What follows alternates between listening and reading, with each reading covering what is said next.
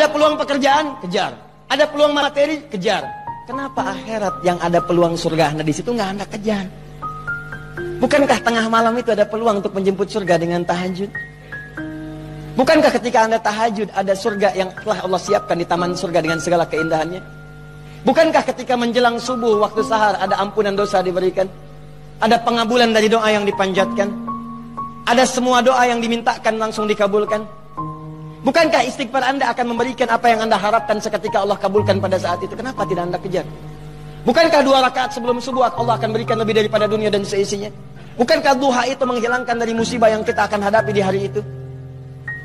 Bukankah sedekah melipat gandakan apa yang kita telah dapatkan? Kenapa tidak Anda kejar? Duhai Anda yang merindukan surga. Jangan cuma dirindukan karena semua orang pun merindukannya. Surga itu tidak dimasuki dengan kerinduan. Surga hanya bisa dimasuki dengan amal saleh dan keimanan.